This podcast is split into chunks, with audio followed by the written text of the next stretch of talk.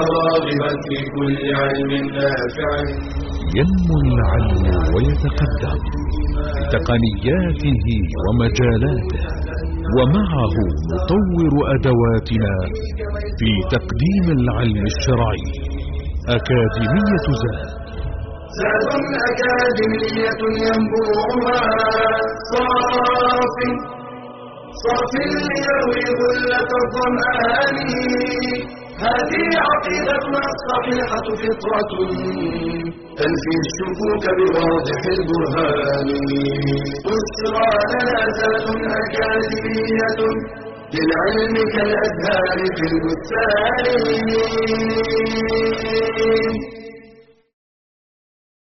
السلام عليكم ورحمة الله وبركاته.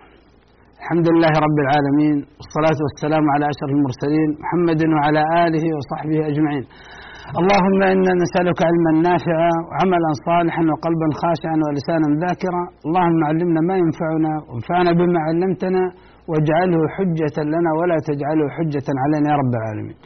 أيها الأحبة في الله أرحب بكم في الدرس التاسع من دروس العقيدة في المستوى الأول بأكاديمية زاد. توقفنا أيها الأحبة في الله عن الأدلة توقفنا عند ذكر الأدلة من الكتاب والسنة على دليل الفطرة وأن دليل الفطرة مستخدم في القرآن على إثبات وجود الله سبحانه وتعالى ووحدانيته وأن هذا موجود هذا الدليل وهذا النوع موجود في الكتاب والسنة. وبينا كيفية استخدامه كيف تقول؟ يعني جاءك شخص تناقشه أو لنفسك أنت تقول أن الإقرار بوجود الله ووحدانيته مفروض على ذهني فرضا. كيف مفروض على ذهني فرضا؟ لأن القوى العلمية والقوى الإرادية التي خلقني الله سبحانه وتعالى مزودا بها تقتضي وتوجب علي الإقرار بوجوده وبوحدانيته. هذا المراد بدليل الفطرة. هناك يعني من الأدلة نضيف دليل واحد ثم نأخذ بعض المفاهيم الخاطئة في معنى الفطرة. من الأدلة كذلك ما أخرجه الإمام مسلم عن عياض بن حمار المجاشعي أن رسول الله صلى الله عليه وسلم قال ذات يوم في خطبته ألا إن ربي أمرني أن أعلمكم ما جهلتم مما علمني يوم هذا. كل مال نحلته عبدا حلال. وإني خلقت عبادي حنفاء كلهم. هنا الشاهد. وأني خلقت عبادي حنفاء كلهم. وإنهم أتتهم الشياطين فاجتالتهم عن دينهم وحرمت عليهم ما أحللت لهم وأمرتهم أن يشركوا بي ما لم أنزل به سلطانا. تعالوا يا أخوان لاحظوا معي. قال الله عز وجل في الحديث القدسي هذا إني خلقت عبادي حنفاء كلهم. إني خلقت عبادي حنفاء كلهم. هنا حنفاء كلهم يعني على الدين الحنيف موحدين لله جل جلاله. لكن حدث لهم تغيير وتبديل من الخارج. أتتهم الشياطين فاجتالتهم عن ذلك فغيرت فطرتهم. فدل ذلك على أن الحنيفية جبلة خلقة. معرفة الله وتوحيده هذه خلقة. وأن الكفر بالله والشرك به طارئ على قلوب البشر من تأثير الشياطين. هناك أيها الأحبة في الله مفاهيم خاطئة في موضوع الفطرة. من تلك المفاهيم الخاطئة يقولون أن الفطرة ليست آه، معناها معنى الفطرة مجرد القابلية للتوحيد وليس أن هناك قوة علمية وقوة إرادية في داخل النفس البشرية خلقها الله عز وجل في داخلنا زودنا الله بها توجب علينا ذلك. لا قالوا إنما يكون الإنسان قابل الله عز وجل خلقه وجعله قابل للتوحيد. هذا القول يا إخوان أن المقصود بمجرد القابلية هذا قول غير صحيح. ليس هو المقصود مجرد القابلية. لأن الله سبحانه وتعالى جعل الإنسان يقبل هذا وهذا وهديناه النجدين. آه فليس المراد بالفطرة القابلية. لأنه لو كان المعنى كل مولود يولد قابلا للتوحيد وقابلا للشرك طيب وش الفرق الآن في الحديث مثلا الحديث المعروف؟ فأبوا يهودانه أو ينصرانه أو يمجسانه. لماذا ذكر ذلك؟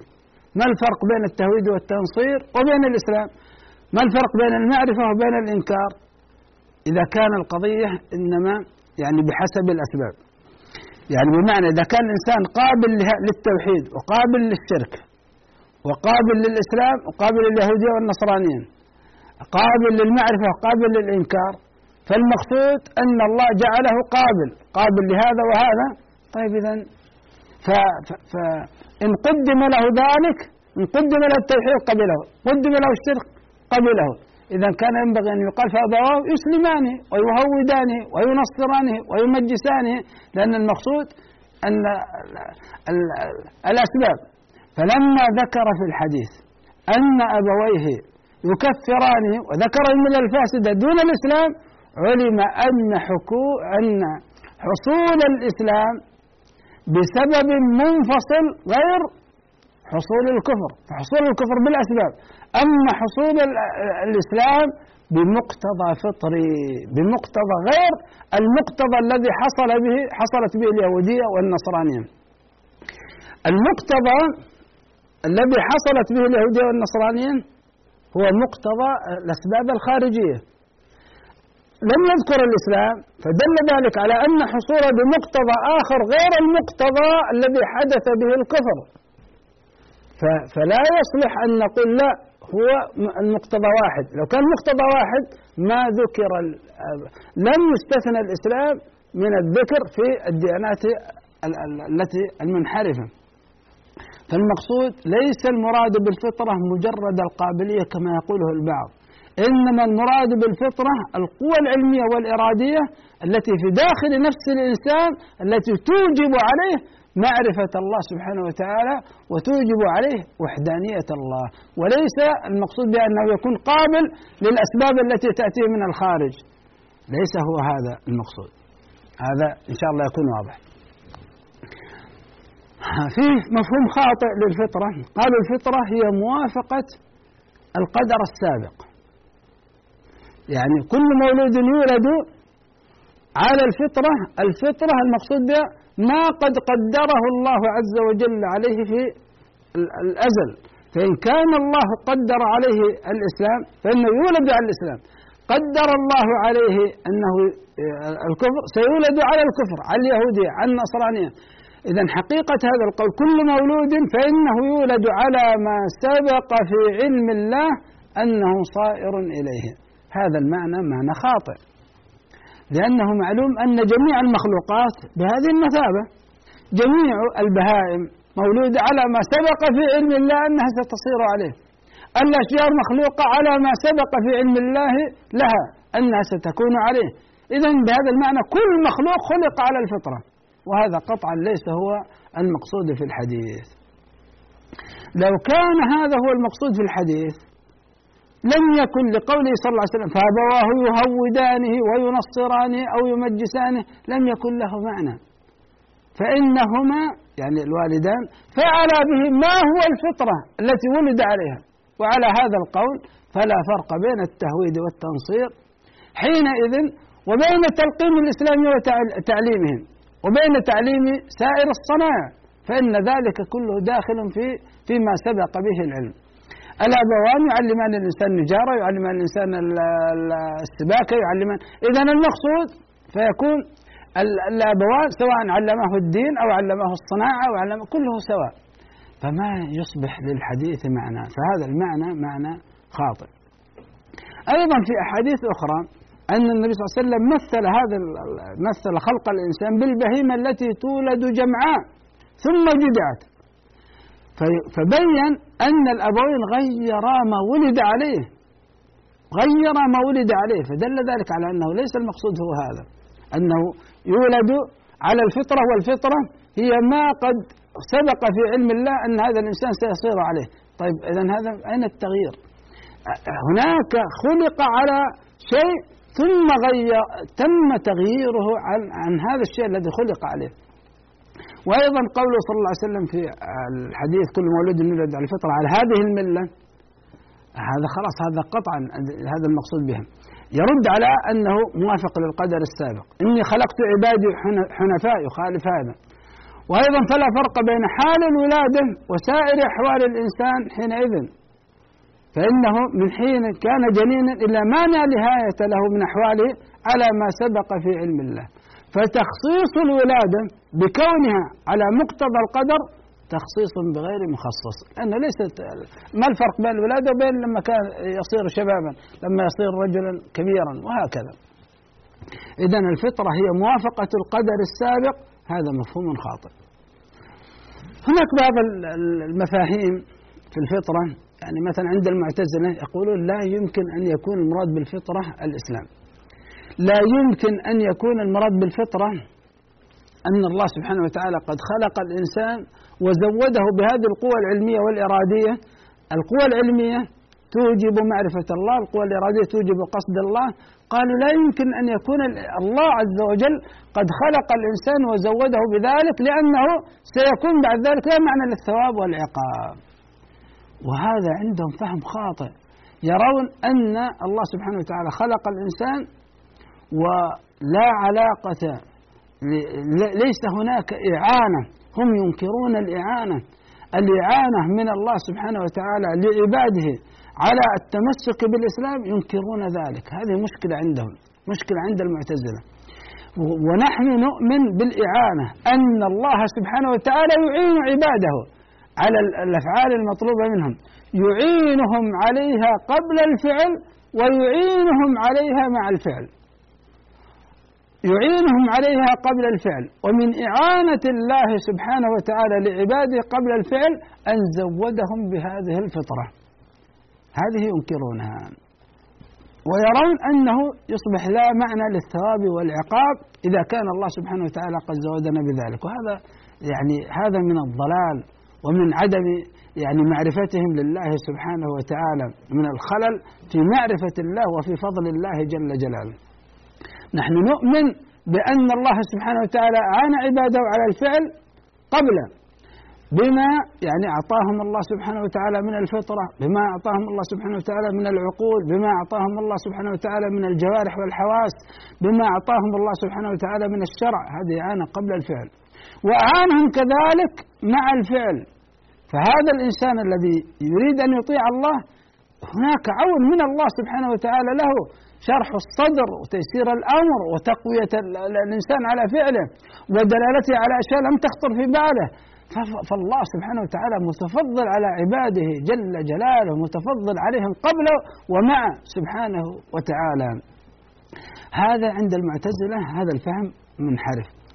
وأيضا الأشاعرة عندهم بقايا بقيت يعني من فكر المعتزلة في هذا الأمر فأوجبوا على الإنسان أن ينظر. لماذا؟ لأنهم أنكروا هذه الفطرة أنكروا هذه المعرفة الفطرية. هذا الأمر أيها الأحبة في الله يجرنا للكلام عن أول واجب على المكلف. عند أهل السنة والجماعة لما كان الله سبحانه وتعالى تفضل على عباده بأن زودهم بهذه القوى العلمية والقوى الإرادية التي جعلها فيهم منذ أن ميزوا وعقلوا فالقوى العلمية توجب معرفة الله والقوى الإرادية توجب محبة الله وقصده بالعبادة. هذه القوى آه، نحن عندنا أنها فطرية. فلا يحتاج الإنسان في الإقرار بوجود الله وبوحدانيته إلى نظر ولا استدلال. بناء على ذلك ما أول واجب على المكلف؟ أول واجب على المكلف ليس هو النظر في أدلة وجود الله ولا الاستدلال على وجود الله لكون النظر والاستدلال على وجود لكون وجود الله سبحانه وتعالى وربوبيته جل جلاله ووجوب إفراده سبحانه وتعالى بالعباد هذا أمر فطري. فأول واجب على المكلف أن ينطق بالشهادتين أن يقول أشهد أن لا إله إلا الله وأشهد أن محمدا رسول الله. فإن كان قد شهد فيكون أول واجب عليه الصلاة. إن كان مصلي فأول واجب عليه الصيام وهكذا تأتيه شرائع الإسلام كما ورد في حديث ابن عباس رضي الله عنه إنك ستأتي قوما أهل كتاب فليكن أول ما تدعوهم إليه أن يشهدوا أن لا إله إلا الله وأن محمد رسول الله. فإنهم أطاعوا لذلك فأخبرهم أن الله قد فرض عليهم خمس صلوات في كل يوم وليلة إلى آخر الحديث. أما عند المتكلمين فإن أول واجب عندهم لكون الإقرار بوجود الله. ليس فطريا فأول واجب عليه عندهم هو النظر والاستدلال في إثبات وجود الله ثم بعد ذلك اختلفوا في التفصيلات حتى وصل بهم الأمر أن جعلوا أول واجب هو أن يشك في وجود الله عياذا بالله. فجعلوا أول واجب هو الكفر ثم بعد ذلك يدخل في الإسلام فانحرفوا في هذا المنحى ناخذ فاصل. ثم نستكمل بعده بمشيئة الله أدلة وجود الله الأخرى. واستودعكم الله.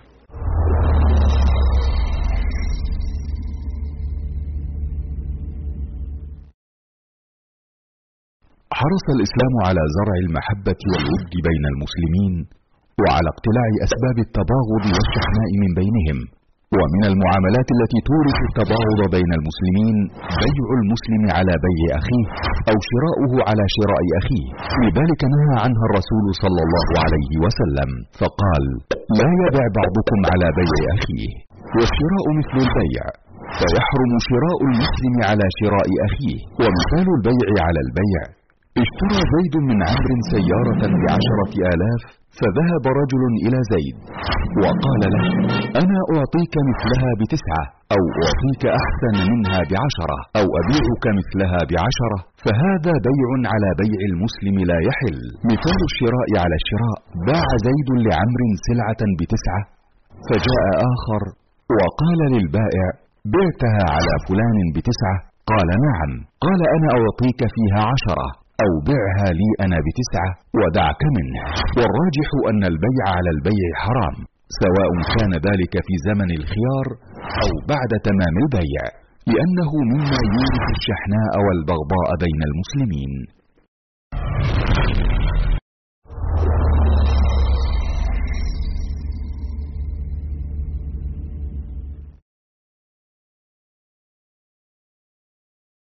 حياكم الله أيها الأحبة وقفنا أن عند أهل السنة والجماعة أول واجب على المكلف هو النطق بالشهادتين.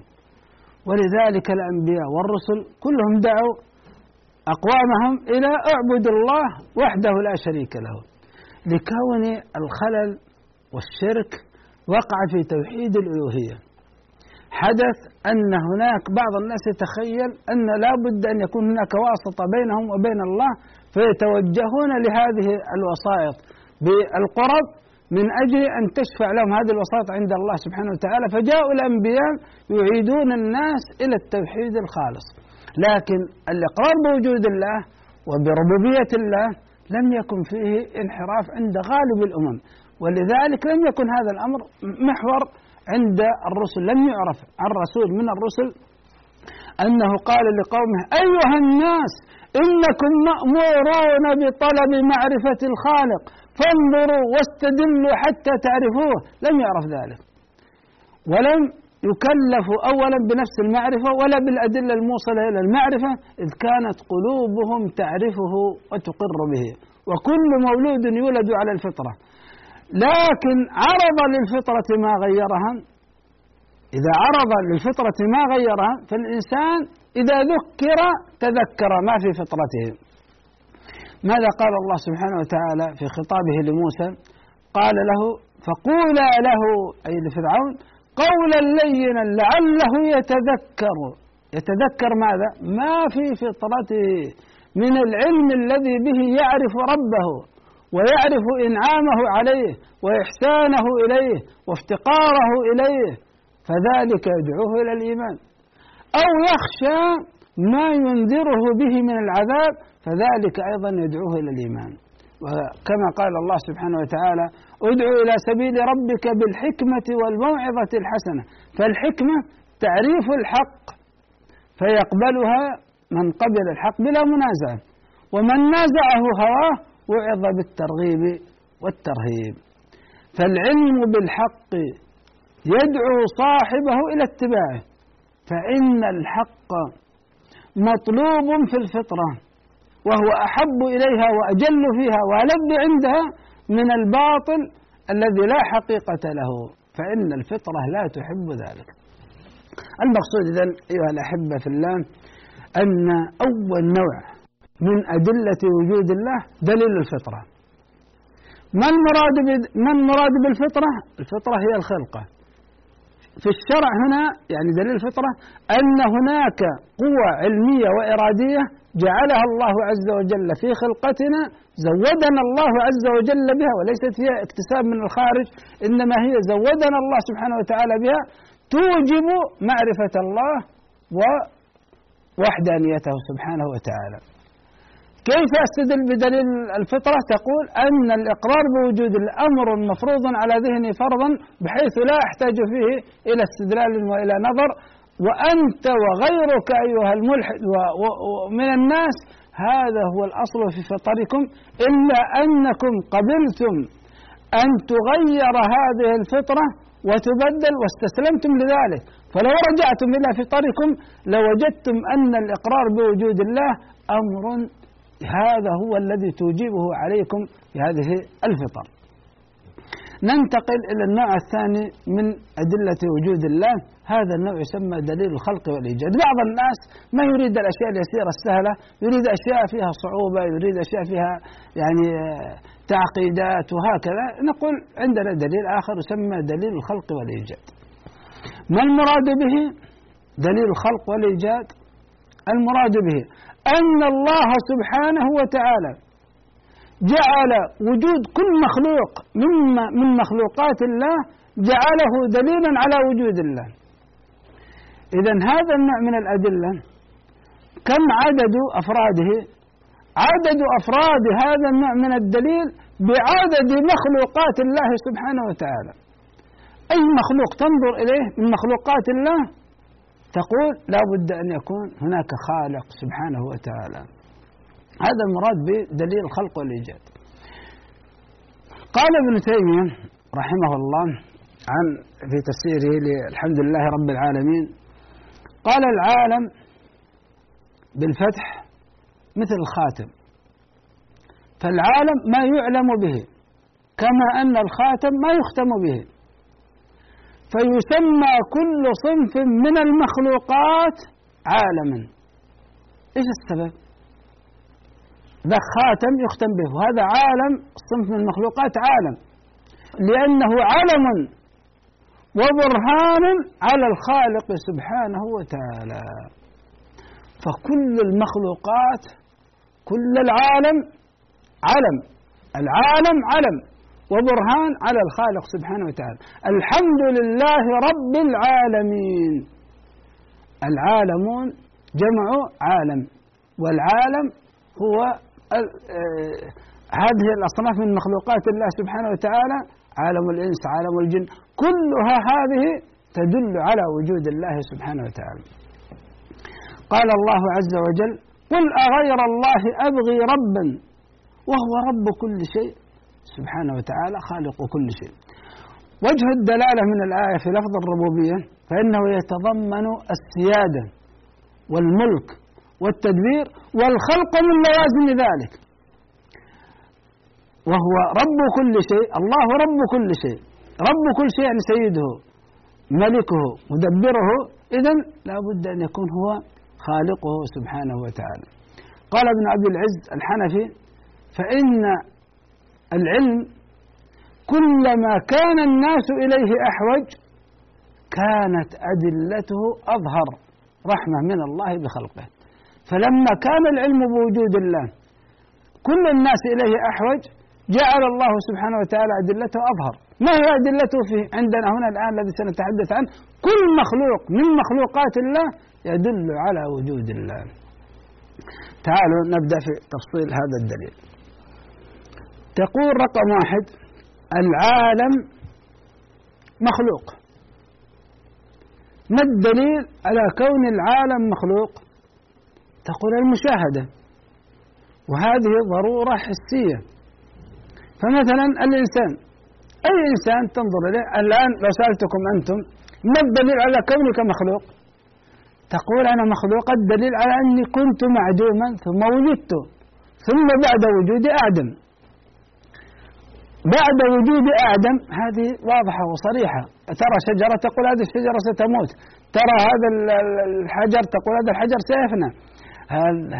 ف وكل ما قبل الفناء, الفناء دل ذلك على أنه يقبل العدم كان معدوما. فأي شيء كان معدوم ثم بعد وجوده يعدم ثم بعد آه، كل شيء كان معدوما ثم وجد بعد عدمه وكذلك سيفنى بعد وجوده فإن هذا يسمى مخلوق. طيب نحن نقيس. شخص آه، نأخذ آه، واحد من الناس كان معدوما ثم وجد رأينا هذا الطفل كان معدوم ثم وجد ثم بعد وجود يعدم فكل الناس كذلك. وكل الشجر كذلك وكل الحجر كذلك. نسلط النظر على جزء من السماء فرأينا أشياء لم تكن موجودة ثم وجدت ثم بعد وجودها تعدم فكل السماء كذلك. فيصبح الآن نقيس ما غاب عنا من المخلوقات على ما شاهدناه منها. إذا فكل المخلوقات كل العالم مخلوق. الدليل قلنا إيش؟ ضرورة حسية المشاهدة. هذا رقم واحد. هنا نريد أن في رقم واحد نأتي بنص لابن تيمية رحمه الله. يقول نفس حدوث الحيوان والنبات والمعدن والمطر والسحاب ونحو ذلك أن الحيوان والنبات والمعدن والمطر والسحاب معلوم بالضرورة هنا لماذا نحن نؤكد على هذا؟ لأنه للأسف بعض المتكلمين هذه الأشياء المشاهدة الضرورة الحسية التي تثبتها ذهبوا يبحثون لهم عن أدلة أخرى تلك الأدلة ورطتهم في آه، موضوع الأسماء والصفات ورطتهم في موضوع الربوبية وسببت لهم ضلال في تلك الأشياء. لو استخدموا هذه الطريقة الشرعية أن الحيوان والنبات والمعدن والمطر والسحاب الضرورة الحسية. ماذا تقول؟ تقول أن هذه الأمور محدثة مخلوقة.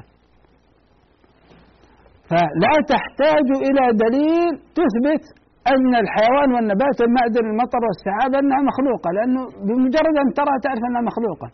يعلم بالدليل ما لم تقول مثلا أن كما يقول هو وإنما يعلم بالدليل ما لم يعلم بالحس وبالضرورة.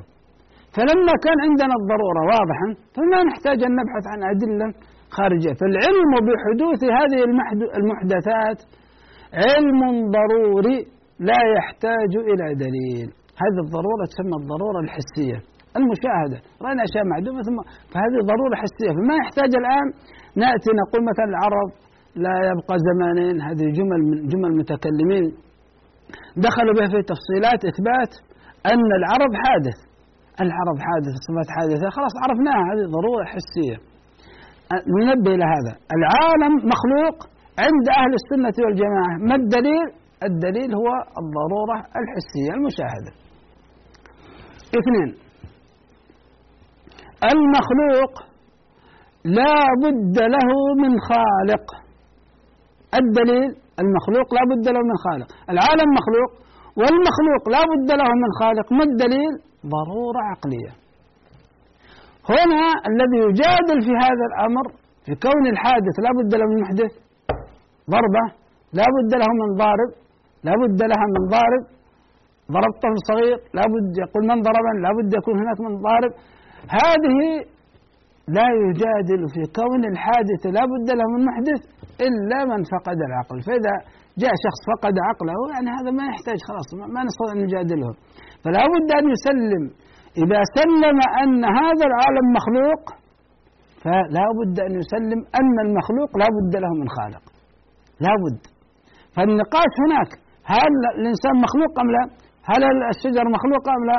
هل السماء مخلوقة أم لا؟ هل الأرض مخلوقة أم لا؟ فإذا قررنا أن هذا هذا العالم مخلوق ووافق أن الضرورة الحسية دليل على ذلك فننتقل معه أنه إذا أثبتت أن هذه الأمور مخلوقة فلا بد أن يكون لها خالق. هذا ضرورة عقلية. نحن عندما نريد أن نناقش شخص لا بد أن يكون عندنا أشياء نحتكم إليها. قال الله قال رسوله ولا يحتكم إلى ذلك. إذا سنحتكم إلى الضرورات. الضرورات التي زود الله سبحانه وتعالى الإنسان بها. فهذه الضرورات أن المخلوق الفعل الحادث لا بد له من محدث المخلوق لا بد له من خالق؟ هذه ضرورة لا بد أن نحتكم إليها. إذا لم يسلم بها الضرورة هذا مجنون لا نحاوره. العالم مخلوق. اثنين المخلوق لا بد له من خالق. العلم بأن المحدث لا بد له من محدث علم فطري ضروري. فمعلوم بالفطرة التي فطر الله عليها عباده بصريح العقل أن الحادث لا يحدث إلا بمحدث أحدثه. إذا انتهينا من واحد اثنين. انتهينا من واحد وانتهينا من اثنين. طيب ماذا نستنتج من واحد واثنين؟ العالم مخلوق. وكل مخلوق لا بد له من خالق. ما النتيجة؟ العالم لا بد له من خالق. خلوا مثلا نقول الخمر مسكر. وعندنا كل مسكر حرام. إذا الخمر حرام. العالم مخلوق. وكل مخلوق لا بد له من خالق. إذا العالم لا بد له من خالق. العالم لا بد له من خالق لأنه مخلوق. فكل من سلم بأن العالم مخلوق لزمه التسليم بأن العالم لا بد له من خالق. هذا انتهينا منه. طيب الآن سننتقل للحديث عن من هو الخالق. من هو هذا الخالق؟ هل الخالق هو العدم يعني من غير خالق خلقوا من غير خالق وجدوا من غير خالق. هذا لا يمكن. لماذا؟ لأن الأشياء التي تكون معدوما كيف ستوجد يعني المعدوم كيف سيوجد الأشياء؟ فأقد الشيء لا يعطيه. فعندما نقول أن هذا هذه الضربة جاءت من غير ضارب جاءت يعني من نفسها من ذاتها لا يمكن ذلك لا يمكن. أو يكون العدم أوجدها هو أصلا لا شيء.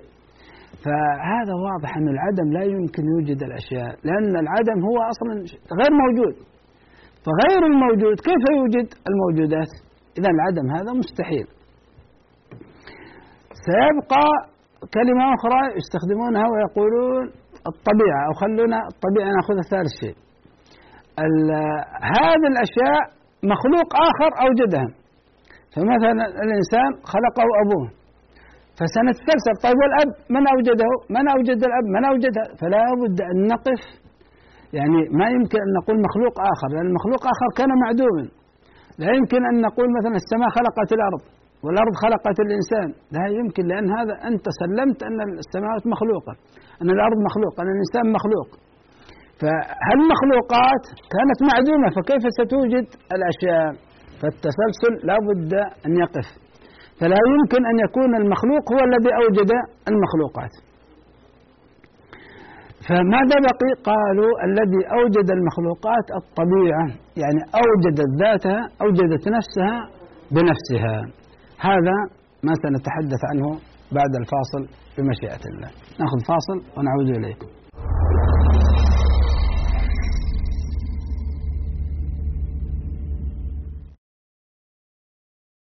إذا كنتم ثلاثة فلا يتناجى اثنان دون صاحبهما فإن ذلك يحزنه. أدب يعلمنا إياه نبينا صلى الله عليه وسلم من خلال النهي عن التناجي وهو أن يستأثر اثنان بالحديث سرا دون الثالث أو ثلاثة دون الرابع أو أربعة دون الخامس وهكذا. فإن هذا لون من إلحاق الأذى بالمسلم لأنه يعود عليه بالحزن والخوف.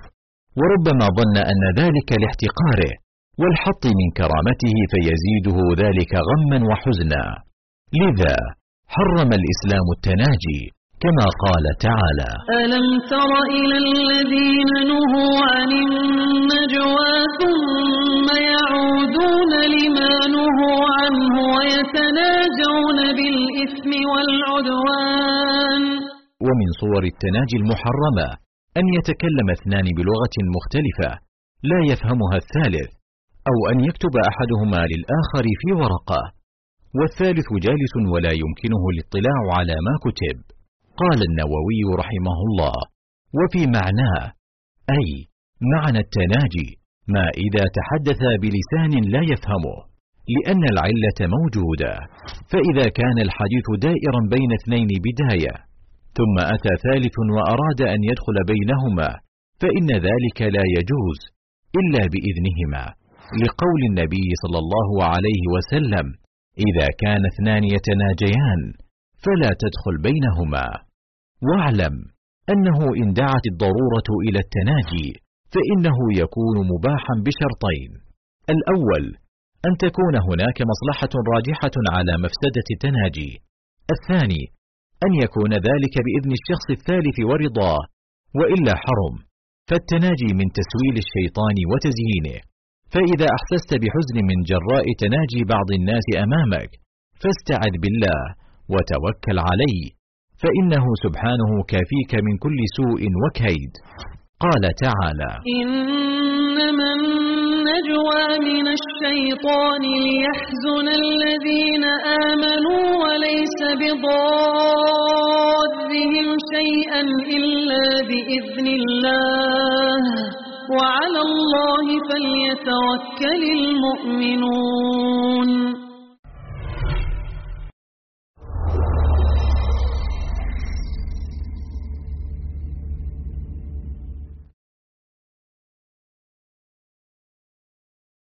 حياكم الله أيها الأحبة وقفنا عند آه، استقراء سبر. من هو الخالق؟ آه، فقلنا الخالق هو العدم. هذا لا يمكن مستحيل. أن يكون الخالق مخلوق آخر هذا مستحيل لكوننا. قلنا مخلوق مخلوق إذا لابد أن يكون هناك نهاية لهذه السلسلة.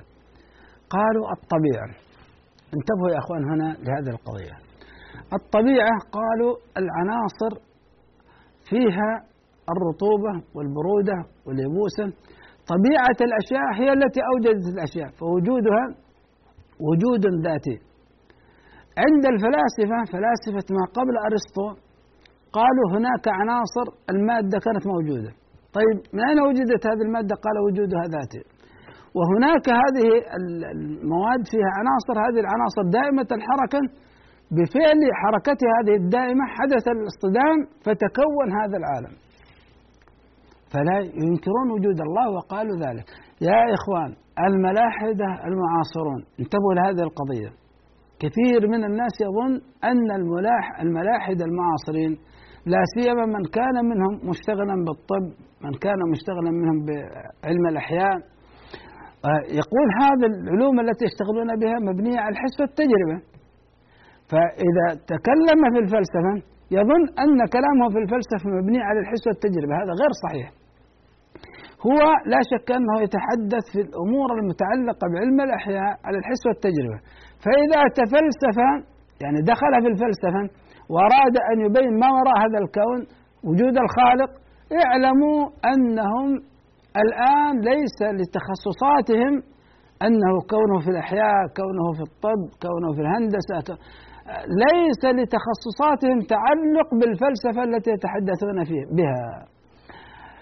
إنما هم يعودون في فلسفتهم إلى ما قبل أرسطو فيستمدون الماضي ويأتون به. ففي فلسفتهم لا علاقة للمناهج العلمية التي يستخدمونها في الطب والهندسة أو الأحياء ونحو ذلك لا علاقة لهم بفلسفتهم. إنما هم يعودون للجاهلية القديمة بل جاهلية ما قبل أرسطو. فيعودون إلى تلك الفلسفة ويذكرونها للناس. فما تسمعونه منهم من هؤلاء الملاحدة عندما يتحدثون عن الطبيعة إنما هم يعودون إلى فلسفة العناصر الأولى وأنها كانت دائمة الحركة وأنها كذا. نقول يا إخوان هذا الكلام أنه تكون الطبيعة هذا كلام مضحك. مضحك من أي ناحية؟ من ناحية أن هذا الأمر إجابة عن كيف وليست عن من؟ هذه الإجابة عن كيف وليست عن من؟ نحن نسأل عن من أوجد هذا الكون. هم يتحدثون عن كيفية يعني تكون العناصر وتكون المواد. فهم يتحدثون عن الكيفية ونحن نتحدث عن من. والكيفيات التي يتحدثون عنها ما كان مبنيا عن حس وتجربة نحن لا نخالف فيه. وأما ما كان يتحدث عن خيالات وعن ظنون وعن تخمين ونحن عندنا الكيفية هذه واردة في الكتاب والسنة فنحن لا نبالي بتخمينهم وبكلامهم في هذه القضية البتة. لا نبالي بذلك. مثالهم مثلهم يا إخوان ودائما نذكر هذا المثل الذين يقولون بالطبيعة مثلهم مثل إنسان كان يعيش في في الصحراء. سيستغرب الإنسان أنت تشبه العلماء هؤلاء بإنسان يعيش في الصحراء؟ نقول نعم هذه حقيقتهم في في قولهم.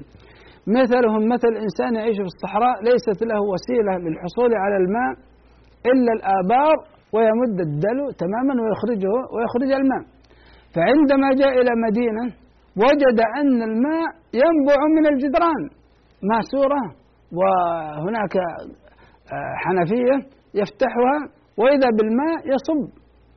فقال هذا الذي يعيش في الصحراء لا أعرفن من أحضر الماء داخل المنزل. إذا البحث الآن عن من؟ من أحضر الماء داخل المنزل. فبدأ يتتبع الماسورة فوجدها في, الخزان فوجدها مثلا هذا الإنسان يسكن في جدة فوجدها في التحلية وهكذا. فصاح صيحته وقال عرفت من أحضر الماء داخل المنزل؟ من أحضره؟ قال أحضر الماء داخل المنزل المواسير إجابة صحيحة أو خاطئة بعض الناس يلتبس على الأمر يقول إجابة صحيحة. لا هذه ليست إجابة صحيحة. كلامه صحيح. عن ماذا؟ عن الكيفية. لكن ليست عن من؟ هذه حيدة عن الجواب فيحدث المستمع في حال غفلته المغالطة الذهنية. فيظن أن كلامه صحيح وأنه خلاص عرف من. وهو في الحقيقة ما عرف من. هو عرف كيف أحضر الماء إلى داخل المنزل. أحضر الماء إلى داخل المنزل عن طريق المواسير هذه المواسير صبت الماء ضخته في الخزان ثم هذه المواسير أخذت الماء إلى الخزان العلوي ثم من خلال الخزان العلوي توزعت المياه إلى داخل المنزل. هذه الكيفية. نحن ما سألنا عن كيف ولا هو كان يبحث عن كيف. هو كان يبحث عن من؟ من؟ من هو الذي يحضر المال داخل المنزل؟ الإنسان صاحب المنزل والحكومة والسباك يعني الإنسان الذي هم يا إخوان يبحثون في الكيفية كيفية يعني خلق الإنسان خلق من نطفة ثم علقة ثم صاحوا صيحتهم. عرفنا من خلق الإنسان؟ من خلق الإنسان؟ كان نطفة ثم علقة ثم مضغة. هذا الأمر هو المضحك. هذه المغالطة. عندما يقولون الطبيعة من خلق الشمس والقمر والأرض؟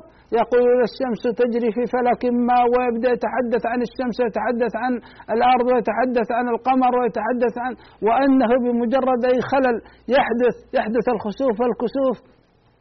طيب هذه الكيفية التي يعني ليس حتى الكيفية التي خلق الله عز وجل بها هذه إنما الكيفية التي يسير الله سبحانه وتعالى بها هذه الأمور.